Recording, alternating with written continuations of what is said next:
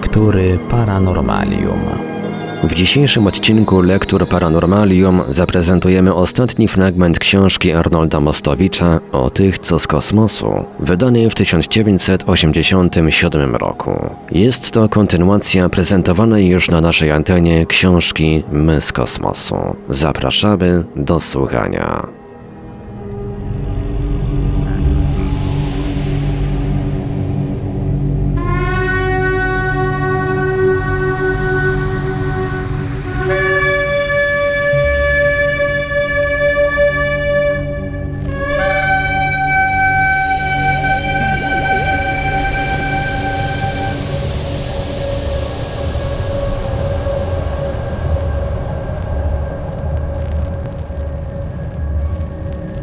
Plejady, czyli mit nieznający granic.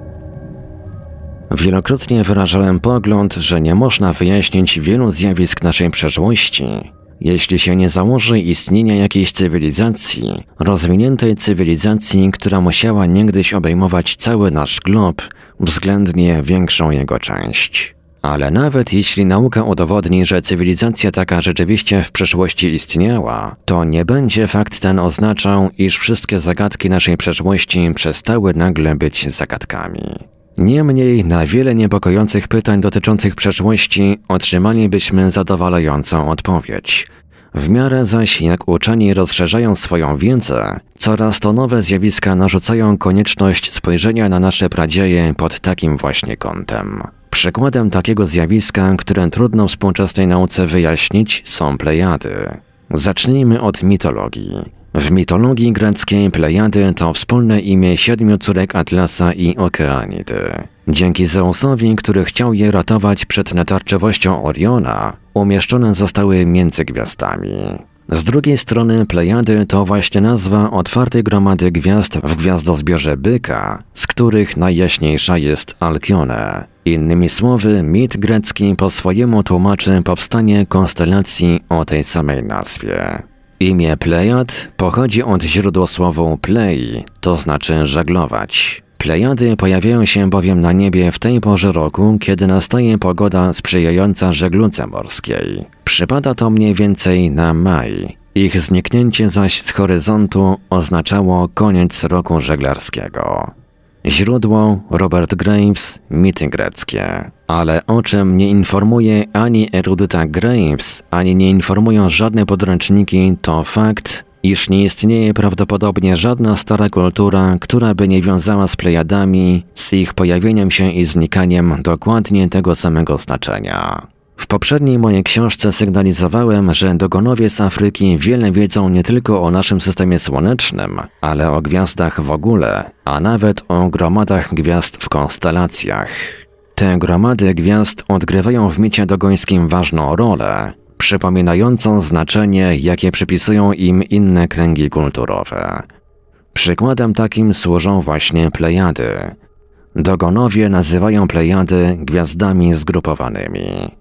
Plejady piszą wspomnienie we wstępie uczeni francuscy Griol i Dieterlen, którzy spędzili wśród dogonów wiele lat, wiążą się tu z siewami i ze zbiorami. Symbolizują one ziarno, które kowal sprowadził z nieba na pierwszy siew. Tuż przed okresem deszczowym nie widać plejad na niebie.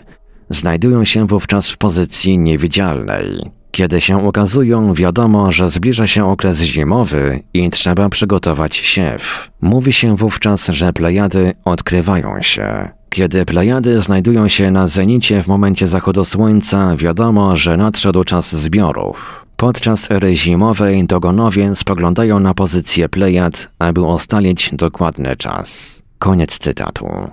Tyle jeśli idzie o dogonów. Ale oto etnolog francuski Jean Servi zebrał podobne przykłady z całego prawie świata i mógł bez żadnej wątpliwości stwierdzić, że wszędzie, gdzie przetrwały stare kultury i obyczaje, ludność, jeśli idzie o siew czy zbiory, kieruje się pozycją plejad. Trudno mi tu zacytować wszystkie przykłady, jakie podaje Servi, ale niektóre warto poznać. I tak Indianie paragwajscy, Indianie Boliwii i Peru, Indianie Ameryki Północnej, Indianie Omaha, Murzyni Beczuana żyjący w Afryce Środkowej, Morzyni szczepu Bantu, Kafrowie, Boszmeni, Dajakowie z Sarawaków Indonezji, Kajanowie z Borneo, Belanezyjczycy z Bank Islands, z Nowych Hebryd, mieszkańcy Bougainville, mieszkańcy Polinezji, wszyscy oni zarówno z półkuli południowej, jak i z półkuli północnej przypisują Plejadom ważną rolę w poszczególnych fazach roku agronomicznego. Obojętnie czy chodzi o siew, czy o zbiory jęczmienia, kukurydzy, ryżu,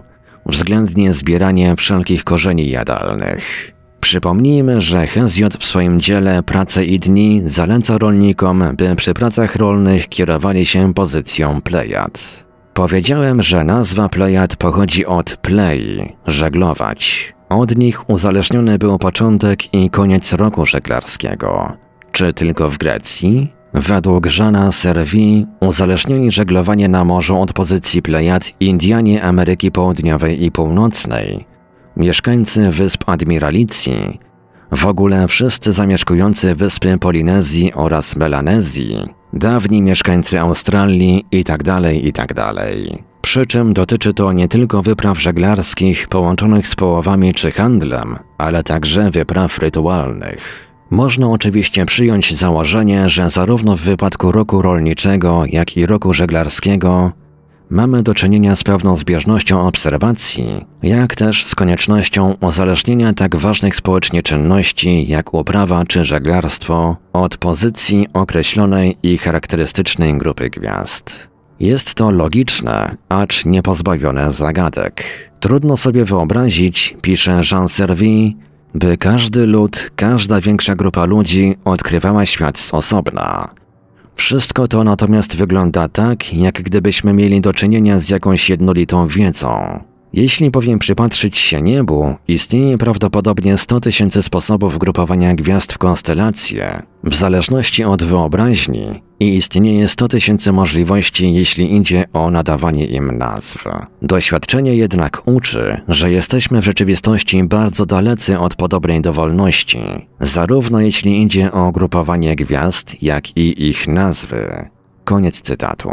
Inaczej mówiąc, jest co najmniej dziwne, że mimo olbrzymich możliwości, jakie tworzą układy gwiazd na niebie obydwu półkul, północnej i południowej, istnieje zadziwiająca zbieżność, jeśli idzie o dobór gwiazd, których cykliczność staje się wskazówką dla tak wielu i tak bardzo oddalonych od siebie grup ludności. Ale to tylko jedna strona tego zjawiska. Powiada bowiem dalej Jean Servi, cytat, Owo względne uzasadnienie zbieżności kończy się zdecydowanie, gdy zabraknie mu naturalistycznej motywacji, to znaczy związków z rolnictwem i żeglarstwem. Rzecz bowiem w tym, że dla bardzo wielu starych kultur, nie będących ze sobą w żadnym związku, plejady symbolizują konstelację żeńską, a konkretniej uważane są za kobiety czy młode dziewczyny, dziewice. Koniec cytatu. Tutaj przyzna to każdy, owa zbieżność niczym nie da się wyjaśnić. A oto kilka charakterystycznych przykładów. Przypominam raz jeszcze mitologię grecką. Siedem plejad, córek Atlasa i Okeanidy, napastowanych było przez Oriona. Aby uchronić je, Zeus zamienił je w gołębie i umieścił między gwiazdami. Gwiazdy dziewice z uratowaną cnotą to plejady. Wprawdzie Robert Graves rzeczowo stwierdza, że informacja o ich dziewictwie nie odpowiada zupełnie prawdzie, jako że trzy z nich przespały się z Zeusem, dwie z Posejdonem, jedna z Aresem, a siódma była żoną Syzyfa z Koryntu. Niemniej dziewice, nie dziewice były przecież kobietami. Rozejrzyjmy się teraz w świecie. Indianie Brazylii po dziś dzień nazywają Plejady siedmioma dziewicami. W Imperium Inków rytualne obrzędy związane z dojrzewaniem dziewcząt odbywały się podczas wschodu Plejad. W Ameryce Północnej Indianie należące do różnych plemion widzą w Plejadach grupę dziewic. Luizjanie z Kalifornii Południowej opowiadają, że było siedem sióstr, którym groziła gwiazda zwana przez nas dzisiaj Aldebaranem. Cytat. Daremne uganianie się Oriona za Plejadami odnosi się do faktu, że pojawiają się one na horyzoncie tuż przed jego ponownym wschodem. Cytat zaczerpnięty z mitów greckich. W Australii tubylcy uważają, że Plejady to kobiety, które brały udział w obrzędach pierwszego obrzezania, a następnie zabrane zostały do nieba. Od ich pojawienia się na horyzoncie zależny jest czas obrzędu obrzezania. Obyczaj dotyczy zresztą wszystkich dawnych mieszkańców Australii, niezależnie od tego, w jakim krańcu kontynentu mieszkają. W Afryce szczep Ewalańdżą nazywa Plejady dziewicami lodów, a murzyni Bangala nazywają tę konstelację grupą kobiet. Dajakowie z Borneo nazywają Plejady kurą z siedmioma pisklętami. A oto, co opowiadają na ten temat. Cytat. Był czas, kiedy żyło siedem piskląt. Wówczas ludzie nie umieli uprawiać jeszcze ryżu, lecz żyli wyłącznie z owoców znalezionych w lesie. Jedno z piskląt zeszło z nieba na ziemię i dostarczyło ludziom trzy rodzaje ryżu. Koniec cytatu. Servi określa treść tego mitu jako przygodę astronautyczną i rzeczywiście taki jest jej sens. Ale i w Afryce Południowej plemiona Ibo i inne nazywają Plejady kurą z pisklętami.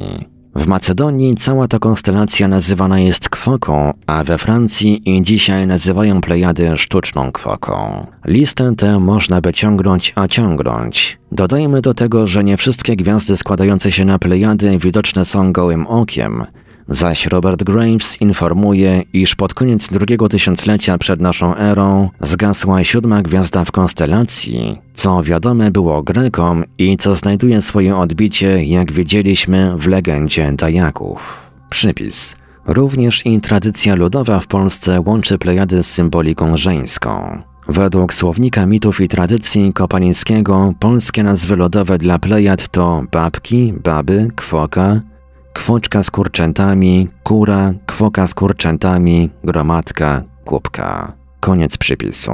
Oto zadziwiająca zbieżność. Czy jest ona w ogóle możliwa do wytłumaczenia bez rewizji naszych poglądów na przeszłość cywilizacyjną i kulturalną ludzkości? Wszelka próba wyjaśnienia musi rozsądzić stare schematy.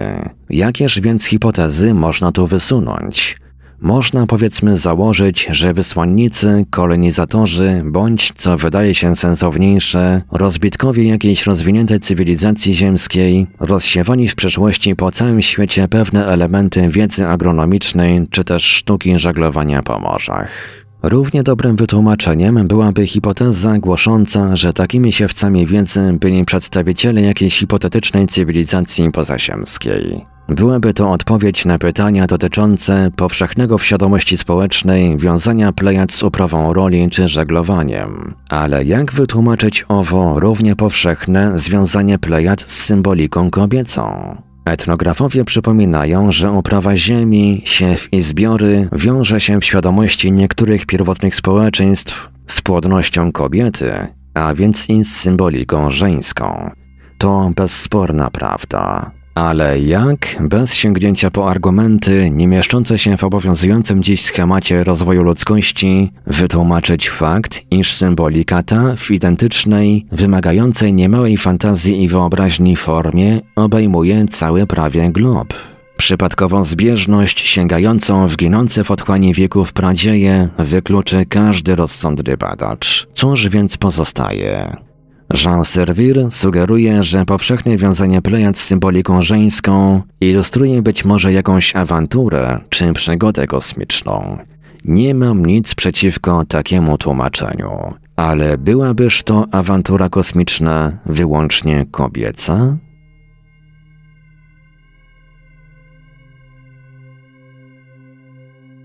Kontynent Mu, czyli mit urealniony. W kilka miesięcy po tym, jak streściłem do niniejszego opracowania książkę Józefa Blomrisia, otrzymałem z Francji inną książkę, której tematyka jest w dużej mierze identyczna z zasadniczym nurtem dzieła byłego pracownika NASA. Książka nosi tytuł Paradis perdu de Mu, Raj utracony Mu, a jej autorem jest Louis-Claude Vincent. Mówiąc krótko, książka ta w całości poświęcona jest uwiarygodnieniu hipotezy głoszącej, że dużą część dzisiejszego Oceanu Spokojnego zajmował niegdyś potężny ląd o nazwie Mu. Jak już czytelnicy wiedzą, podobnym dowodom poświęcona jest również duża część książki Blumrisia. Tyle tylko, że u autora amerykańskiego ląd ten nosi nazwę Kaskara. Jeśli teraz do sprawy tej na chwilę wracam, to dlatego, ażeby wskazać, jak w pewnych okresach dojrzewają jednocześnie niektóre tematy wymagające intensywnych badań i poszukiwań. Przy czym w tym wypadku dotyczy to problemu co najmniej kontrowersyjnego i wzbudzającego dotychczas duży sceptycyzm. Jak powiadam, Blumrich i Vincent dochodzą do tych samych wniosków, jeśli idzie o ląd na Pacyfiku.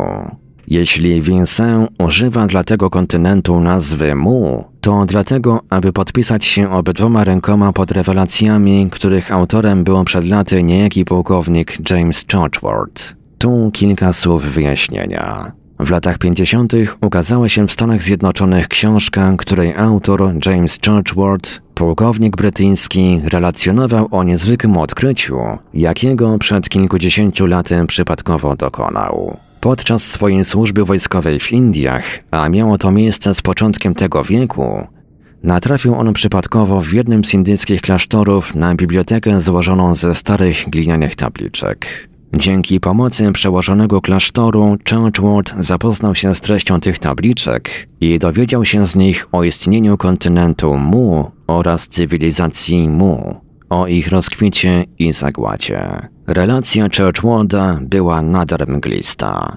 Wprawdzie treść glinianych tabliczek zrelacjonował on szczegółowo i z pasji, to przecież okazał się wyjątkowo dyskretny, jeśli idzie o wskazówki dotyczące owego klasztoru. Nie podał, gdzie się klasztor ten znajdował, kiedy on sam tam przebywał i tę podobne. Fakt ten przyczynił się do tego, że relacja pułkownika Churchwarda przyjęta została z dużą rezerwą zarówno przez fachowców, jak i przez laików entuzjastów. Traf chciał, że kilkanaście lat później niejaki William Niven odkrył w Meksyku pewną ilość glinianych tabliczek, które zdaniem Churchwarda stanowiły uzupełnienie tych odczytanych przez niego w Indiach. Miało to być i niewątpliwie w jakimś sensie było dowodem, że relacja jego nie była zwykłą bajką. Ale i ta pomoc ze strony Nivena niewiele poskutkowała.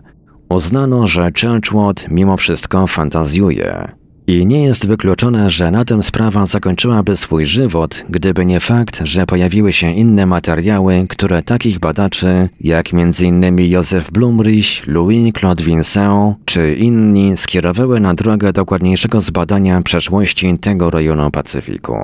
Wszyscy oni, a dodać tu należy także wybitnego geofizyka amerykańskiego Amosa Nora z Uniwersytetu w Stanford, zaczęli się zastanawiać, czy w legendach i opowieściach o lądzie, który miał rozciągać się na obszarze dzisiejszej Polinezji, nie ma ziarna prawdy.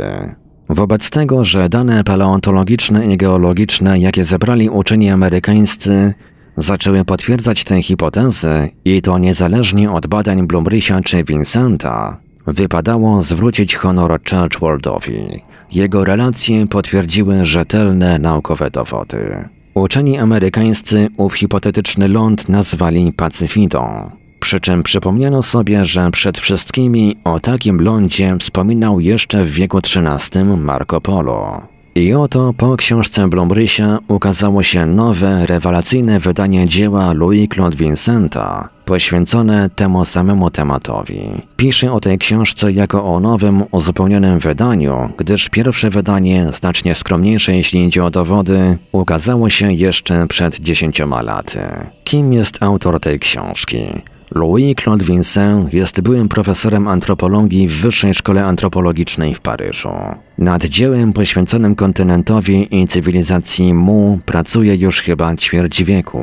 Obecne wydanie pracy o Mu składać ma się z czterech tomów. Pierwszy liczy 400 stron i jest niezwykle bogato udokumentowany i ilustrowany. Jest rzeczą zrozumiałą, że pracując od tak dawna nad kompletowaniem materiałów do swej książki, zebrał Louis-Claude Vincent znacznie więcej dowodów na istnienie owego kontynentu niż Blumrich, którego bardziej interesowały dzieje Indian amerykańskich oraz sprawy kaczynów niż los Kaskary Mu. Książka Vincenta, oszałamiająca bogactwem zebranego materiału, jest jednocześnie szalenie denerwująca. Denerwująca z racji rasistowskich wręcz poglądów autora i jego obsesyjnej nienawiści do Biblii jako dzieła Semitów i współczesnej medycyny. Niemniej, jeśli odrzuci się ten obsesyjny, nienaukowy balast, otrzyma się pracę nad wyraz ciekawą. Książka Vincenta zawiera dowody na istnienie kontynentu tam, gdzie dzisiaj rozrzucone są wyspy Polinezji. Szczegółowo opisuje Vincent zabytki archeologiczne pozostałe na tych wyspach po dziś dzień, jak też dowody paleontologiczne, etnologiczne, lingwistyczne i przede wszystkim geologiczne, które zebrane razem mają dużą siłę przekonywającą. To, co u Vincenta jest nowością w stosunku do Blumrysia i autorów amerykańskich, dotyczy dowodów ekspansji cywilizacji Mu i powodzi. Wspominałem już kilkakrotnie o hipotezach Vincenta związanych z tą ekspansją. Uważa on za dowiedzione, że wszystkie wielkie, nagle wyrosłe z nicości kultury i cywilizacje starożytności, jak cywilizacje Sumerów, Indii, Egiptu, Chin czy nawet Grecji, cywilizacja megalitów, wszystko to było rezultatem, twierdzi Vincent, bądź świadomej kolonizacji, bądź też dziełem nielicznych rozbitków, którym udało się wyjść cało z katastrofy. Vincent powołuje się tutaj na znane skądinąd argumenty, przypominając, iż najbardziej nawet odległe cywilizacje czy kultury wykazują fascynujące niekiedy podobieństwo.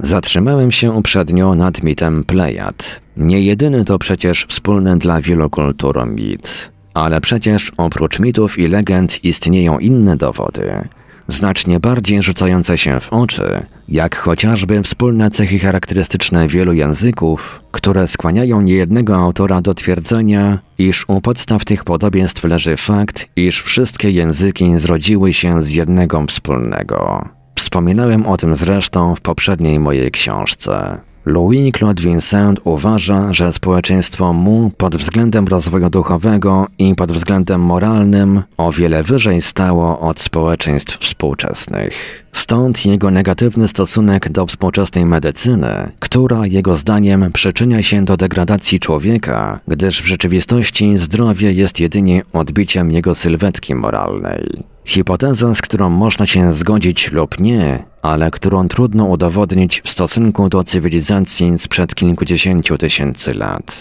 Cywilizacja ta kwitła, twierdzi autor, w tym czasie, kiedy bieguny Ziemi znajdowały się na przeciwległych punktach dzisiejszego równika, a równik przebiegał przez dzisiejsze bieguny. Zdarzenie z potężnym ciałem niebieskim miało spowodować obrócenie się osi Ziemi o 90 stopni.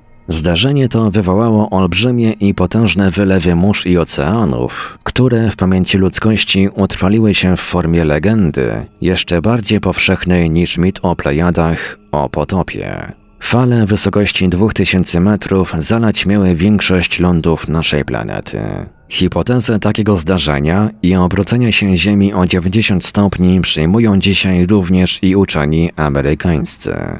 Warto notabene podkreślić, że hipoteza Blomrysia od koncepcji Vincenta różni m.in. to, iż według badacza amerykańskiego kontynent na Pacyfiku zanurzał się powoli, bodaj kilka tysięcy lat. Natomiast według Vincenta katastrofa nastąpiła błyskawicznie.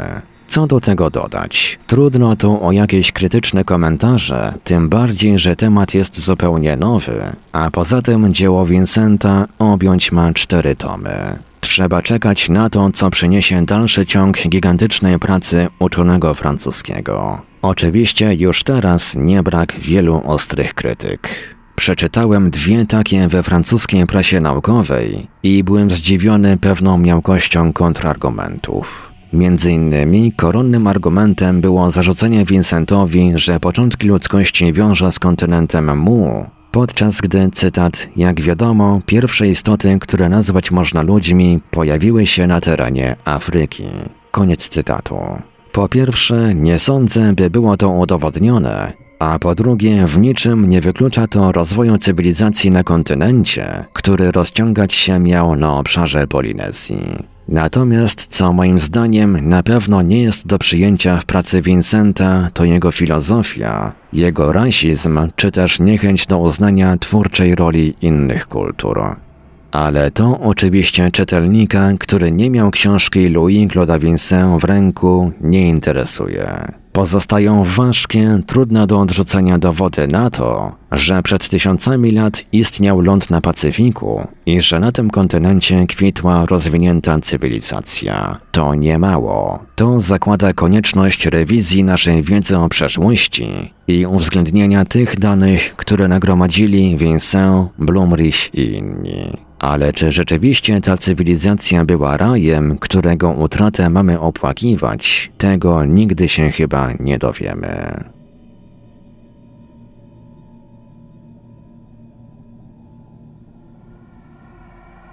Iliada, czyli mit uwieczniony. W mojej poprzedniej książce My z kosmosu dość dużo miejsca poświęciłem wydobytej w 1900 roku z dna morskiego w pobliżu wyspy Antikitery maszynie, którą jedni określają jako rodzaj maszyny matematycznej, a inni, podkreślając niezwykłość tej maszyny, widzą w niej niepokojącą zagadkę starożytności. Jak się za chwilę okaże, jedną z wielu.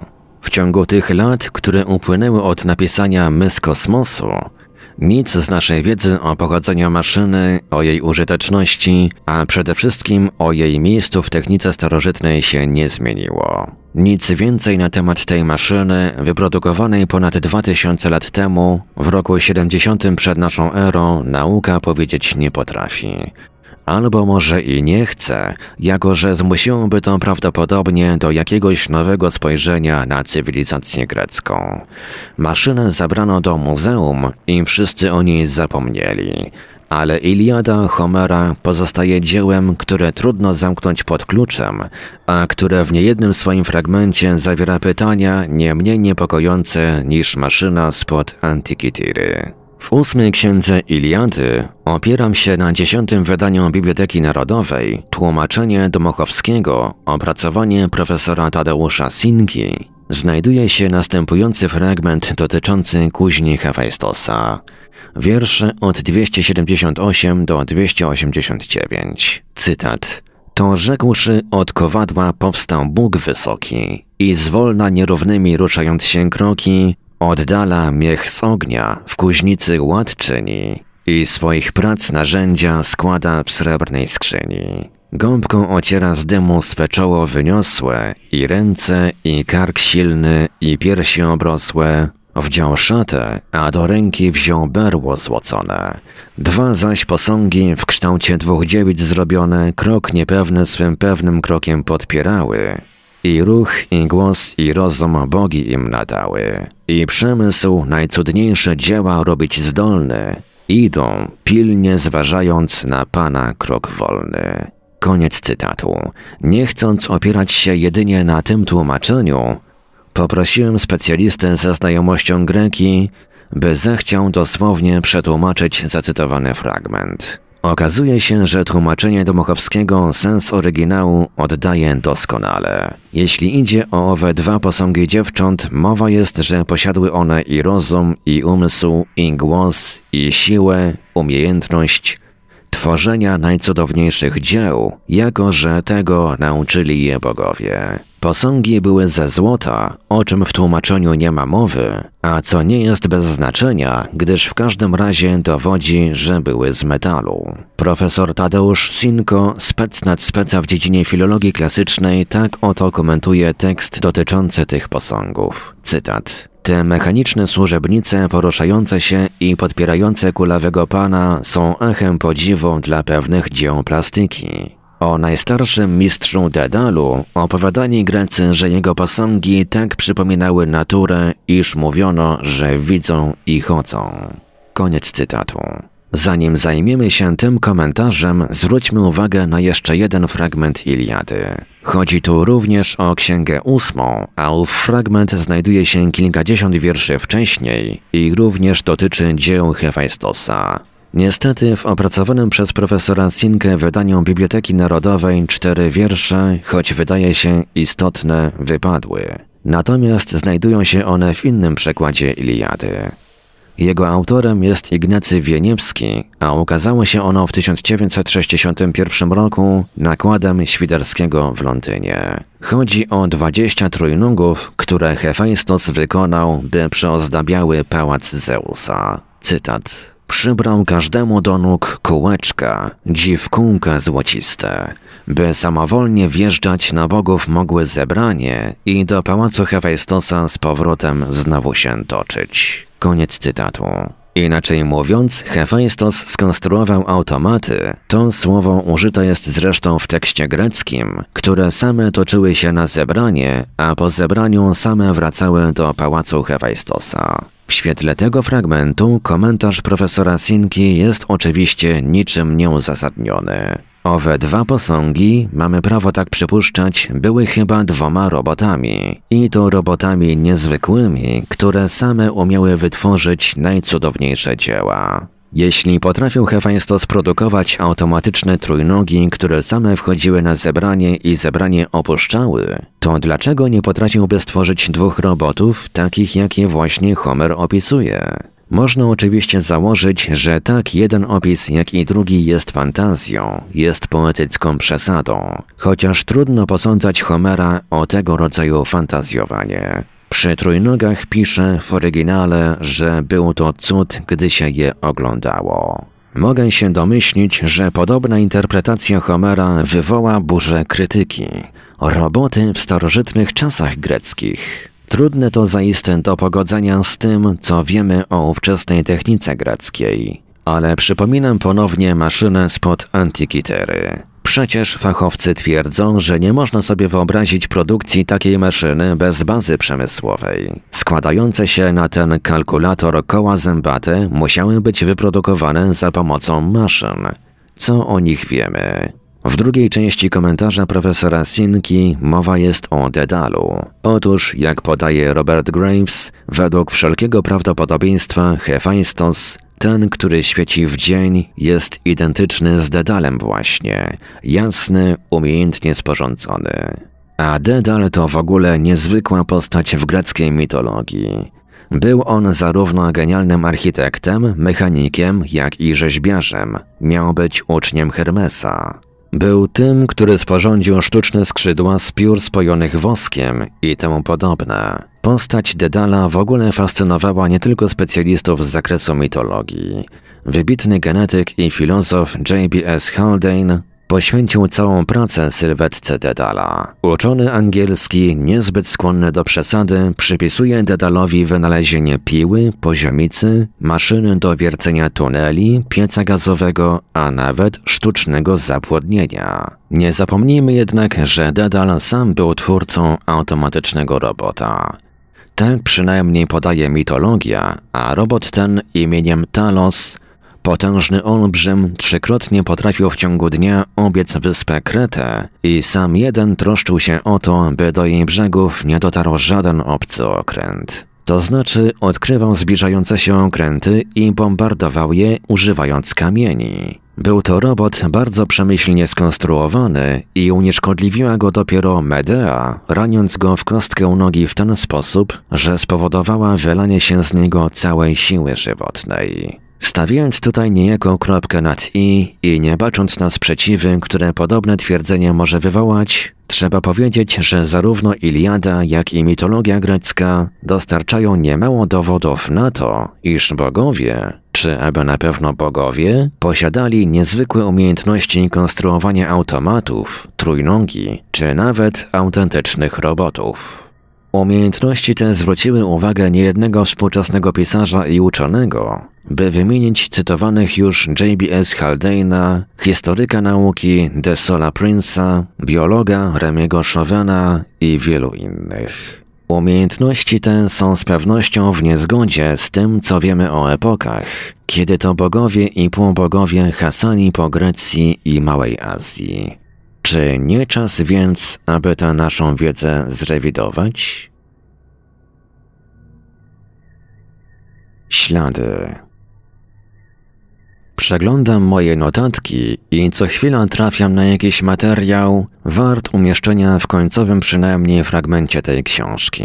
Chociażby te dwa rysunki znajdujące się w Tempolo de las Cantas w Meksyku.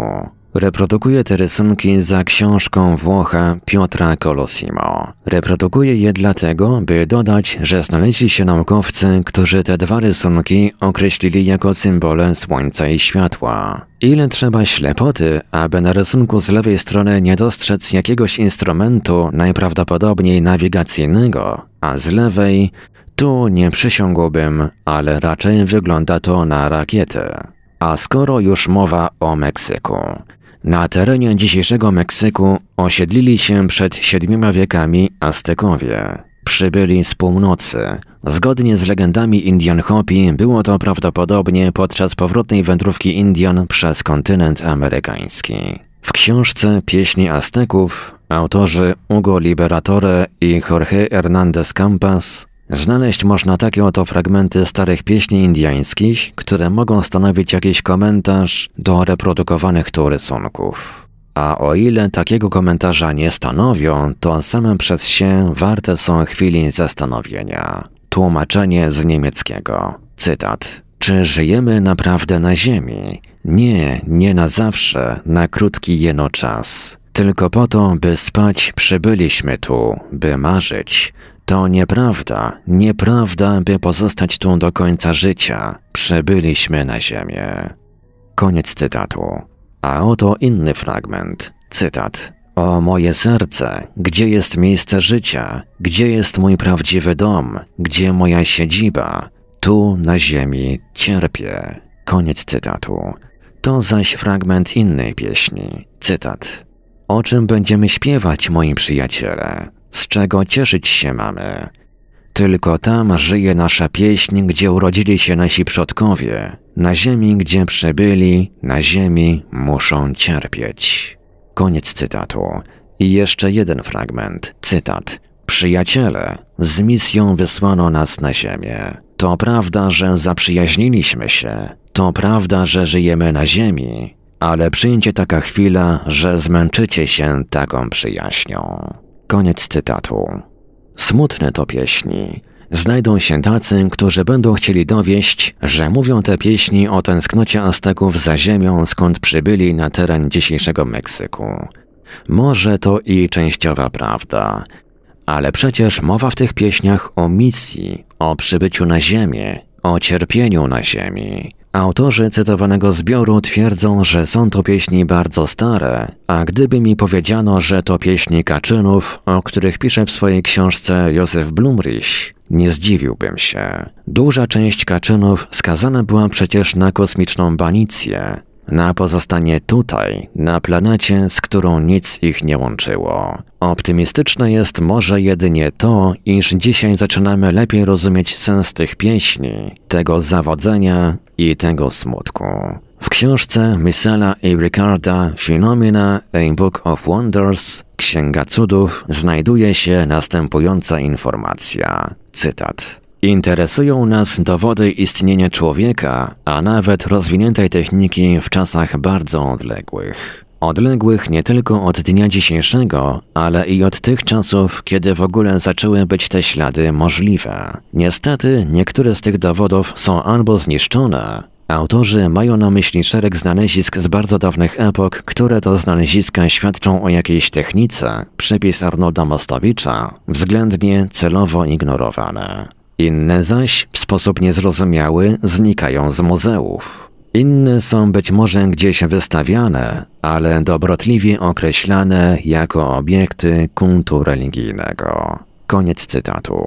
Do dowodów, które są ignorowane, nad którymi pewni naukowcy wolą przejść do porządku dziennego, należą ślady ludzkich stóp odkryte w bardzo starych warstwach Ziemi. Wystarczająco starych z epok, kiedy na naszej planecie człowieka nie było. Oto na przykład ślady stóp, jak twierdzą wspomniani autorzy, odkryte w warstwie karbonu i liczące sobie od 225 do 280 milionów lat. Ślady te przetrwały w piaskowcu. American Journal of Science numer 3 przez 139 informuje o serii takich śladów ludzkich stóp, które zostały zauważone i utrwalone w 1882 roku obok Carson w amerykańskim stanie Nevada. Ślady te odkryto również w piaskowcu. Trzy lata później podobne ślady zostały odkryte w Kentucky, przy czym, jak podaje pismo American Aquarium numer 7 przez 31, jednoznacznie zostały zakwalifikowane jako ślady ludzkich stóp. Czy rzeczywiście są to ślady ludzkie? A jeśli tak, czy są to ślady naszych przodków? Bardzo wątpliwe. Jeśli więc nie pozostawili ich nasi przodkowie, jako że ich wtedy nie było, więc kto? Czy są to ślady przybyszy z kosmosu, na których podobieństwo jesteśmy stworzeni, jak to głosi Biblia? A może ślady te zostały celowo pozostawione, celowo utrwalone, aby pozostała pamięć o tym, że wzięły tę planetę w swoje posiadanie owe istoty przysłane tu z misją, z misją cywilizacyjną. W legendzie, a raczej w micie kosmicznym Dogonów, mowa jest o pierwszym człowieku Nomo, który wychodząc ze statku kosmicznego postawił swoją nogę na Ziemi, uznając to za symbol wzięcia jej w swoje posiadanie, tak jak Armstrong w imieniu ludzkości postawił swoją nogę na Księżycu.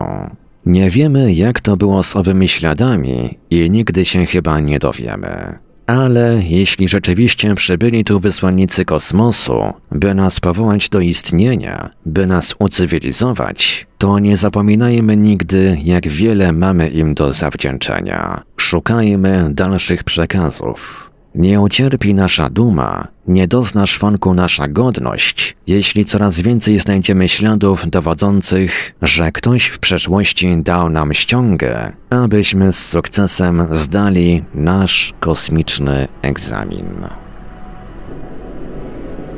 Arnold Mostowicz, Warszawa, 1987 rok.